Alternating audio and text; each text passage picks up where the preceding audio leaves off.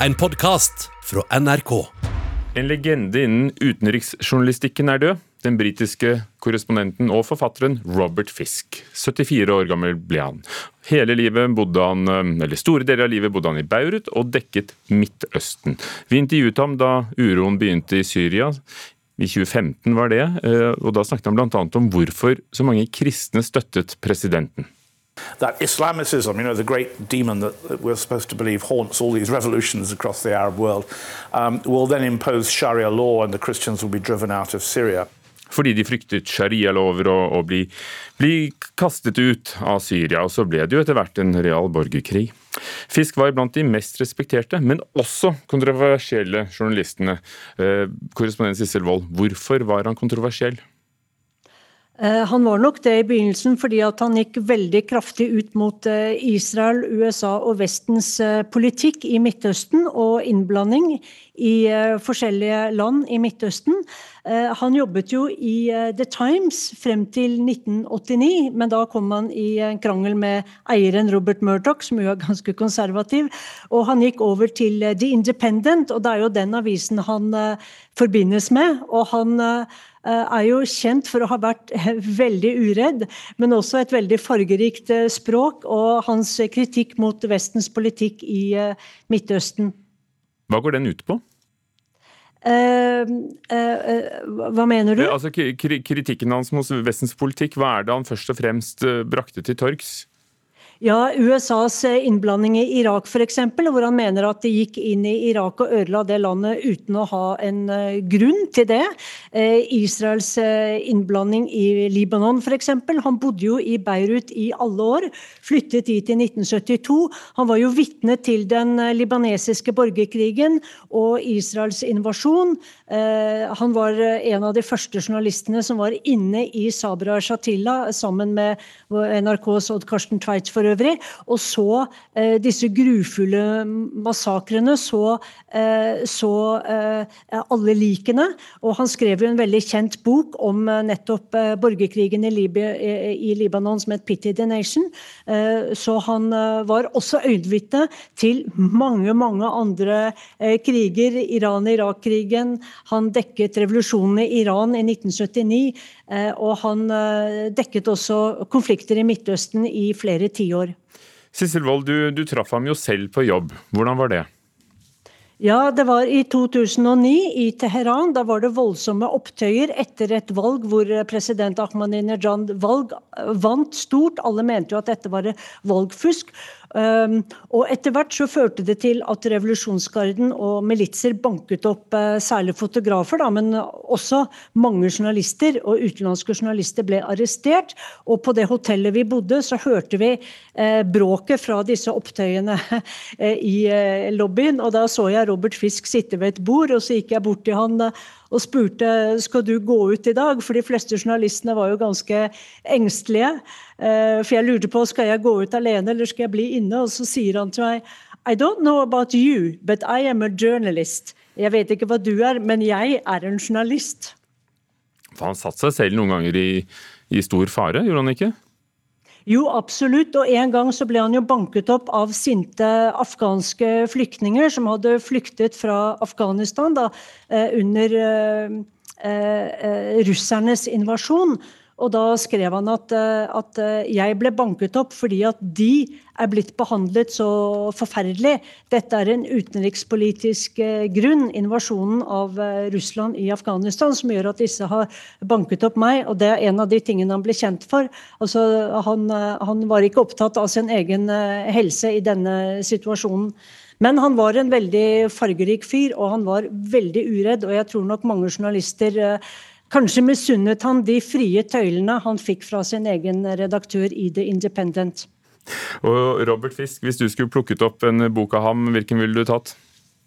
Det var nok 'Pity the Nation' eller uh, 'The Great War for Civilization', uh, 'The Conquest of the Middle East', som handler om uh, Vestens utenrikspolitikk og innblanding i Midtøsten. For øvrig var jo også Robert Fisk en av de som intervjuet Osama bin Laden tre ganger mellom 1993 og 1997, og han mener selv at Osama bin Laden kanskje forsøkte å konvertere Robert Fisk til å bli en muslim. Osama bin Laden mente iallfall at Robert Fisk ville være en veldig god muslim.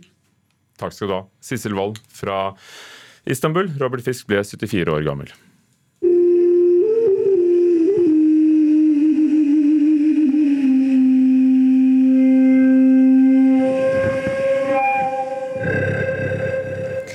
Kjenner nærmest liksom at skuldrene senker seg. I natt norsk tid så gjenåpna det kjente kulturminnet Machu Picchu i Peru etter å ha vært koronastengt i åtte måneder. Det var en storslått seremoni, men naturlig nok ikke så mange tilskuere, reporter Thomas Averstein Ove. Nei, Det var et knippe inviterte gjester som fikk være med på denne tradisjonelle seremonien, som var en takk til moder jord. Turistattraksjonen stengte i mars når resten av Peru og store deler av verden stengte ned og turistene forsvant. Kulturminister Alejandro Neira sa i åpningstalen sin at Machu Picchu er viktig for peruanerne. Estar aquí en Machu Picchu para todos nosotros es sumamente especial. Machu Picchu er spesielt for oss alle, sier kulturministeren. Det er selve symbolet på peruansk kultur i verden. Men mest av alt er det et symbol for motstand, styrke, mot og håp. Og det håpet skal hjelpe oss gjennom denne vanskelige tiden, sa han. Store ord. Men du, minn oss eh, litt på historien til dette stedet. Dette er jo noen eh, fantastiske steinruiner etter en inkaby som ble bygget eh, midt på 1400-tallet. Den eh, ligger karakteristisk til oppå noen fjelltopper i over 2400 meters høyde i tynn luft i Andesfjellene. Og på grensen til Amazonas. Altså høye fjell på ene siden og jungel mot, mot den andre siden. Det er et populært turistmål og et sted mange har på sin såkalte bucketlist. Men kan alle dra dit nå? Nei, ikke helt fritt. Kun 675 personer per dag blir eh, sluppet inn eh, fra nå av. Og det er strenge tiltak med tanke på avstand og alt annet som hører til for å hindre spredning av koronaviruset. Og normalt sett så dette, har, har, det vært besøk på opp mot 5000 eh, daglig til Machu Picchu.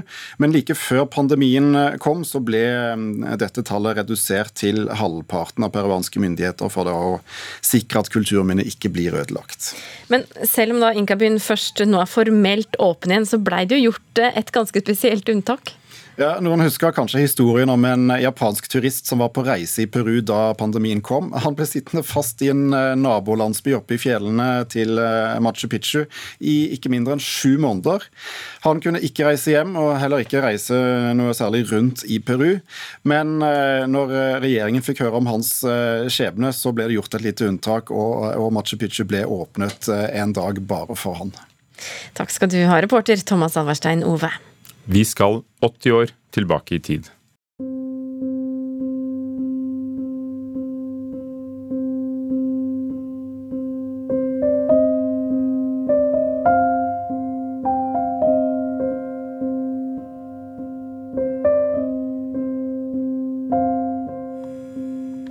Melodien til en jødisk sang om en mors sterke kjærlighet til sønnen. Dette er hentet fra teaterstykket 'Leksikon om lys og mørke', som hadde premiere på Trøndelag Teater i helgen. Bygger på Simon Strangers bok med samme tittel. Karin Frøsland Nystøyl, vår teaterkritiker, du var der, du så. Fortell oss først hva det handler om. Ja, Det handler om mye. altså Det er minst tre handlingstråder i denne forestillinga. Den handler om Jødiske Hirsch-kommissar som blir arrestert, sendt til Falstad til straffarbeid der, og senere henretta. Så handler det om krigsforbryteren Henry Rinnan, hvordan han gjennom utenforskap og svært ukloge valg blei den han blei. Så handler det om familien Kommissar, som etter etter krigen, ganske kort tid etter at krigen var slutt, flyttet til Trondheim, kjøpe seg et hus som viser seg da å være eh, huset der Rinnan-banden holdt til og torturerte sine fanger i kjelleren, og hvordan det skader de å bo i det huset der.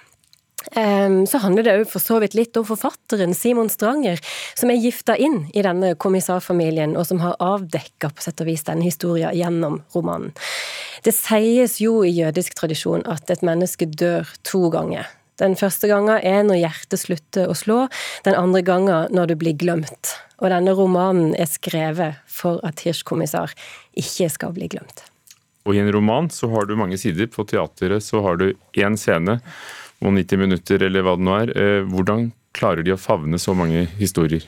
Gjennom en smart virkemiddelbruk, og selvfølgelig òg gjennom å ha kutta og fortett og stilisert historie. Eh, Forestillinga varer tre timer, og den har den samme leksikalske oppbygninga som romanen har. Den tar for seg alfabetet og knytter assosiasjon eller ord til hver bokstav i alfabetet, og sånn bygges eh, historia stein for stein, kan du si. Um, på scenen så er det et stort hus eh, med to etasjer, dette Rinnanhuset som det da etter hvert blir. Og Der kan man annet vise flere tider samtidig. Altså I overetasjen så lever eh, familien Kommissar sitt liv og feirer hanukka, mens så ser vi da i kjelleren hvordan få år tidligere det har vært utført tortur og lignende.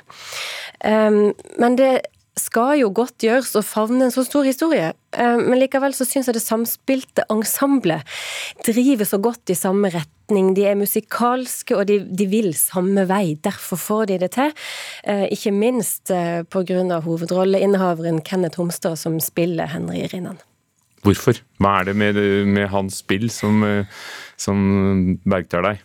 Altså, Rinnan får stor plass i denne fortellinga, eh, og det er kanskje riktig òg. Altså, Homstad spiller han som en ynkelig og frastøtende kar, som jeg samtidig får vondt av, fordi, på sett og vis, da, fordi jeg får historien hans, altså utgangspunktet for at han tok de valgene han tok.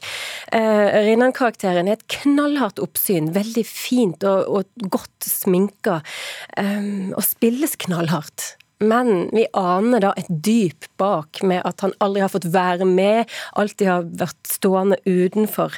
Og Homstad har en, en musikalsk måte å spille på. Han benytter seg av scenografi, ja, scenografi også, men ikke minst koreografien. Han er god i bevegelsene, og det er jo med på å vise disse dypene som Rinnan faktisk har. Det ser ut som en krevende rolle, og den er veldig godt gjort. Hva sier dette stykket, 'Leksikon om lys og mørke', deg, oss, i dag? Altså, regissøren Maren Bjørseth har sagt at hun vil avdekke de mekanismene som gjør at vi blir de vi blir, altså det, det iboende monsteret i oss alle. Og det klarer denne forestillinga. På Trøndelag Teater. Takk, Karin Frøsland Nystøl. Du har hørt en podkast fra NRK. Hør flere podkaster og din favorittkanal i appen NRK Radio.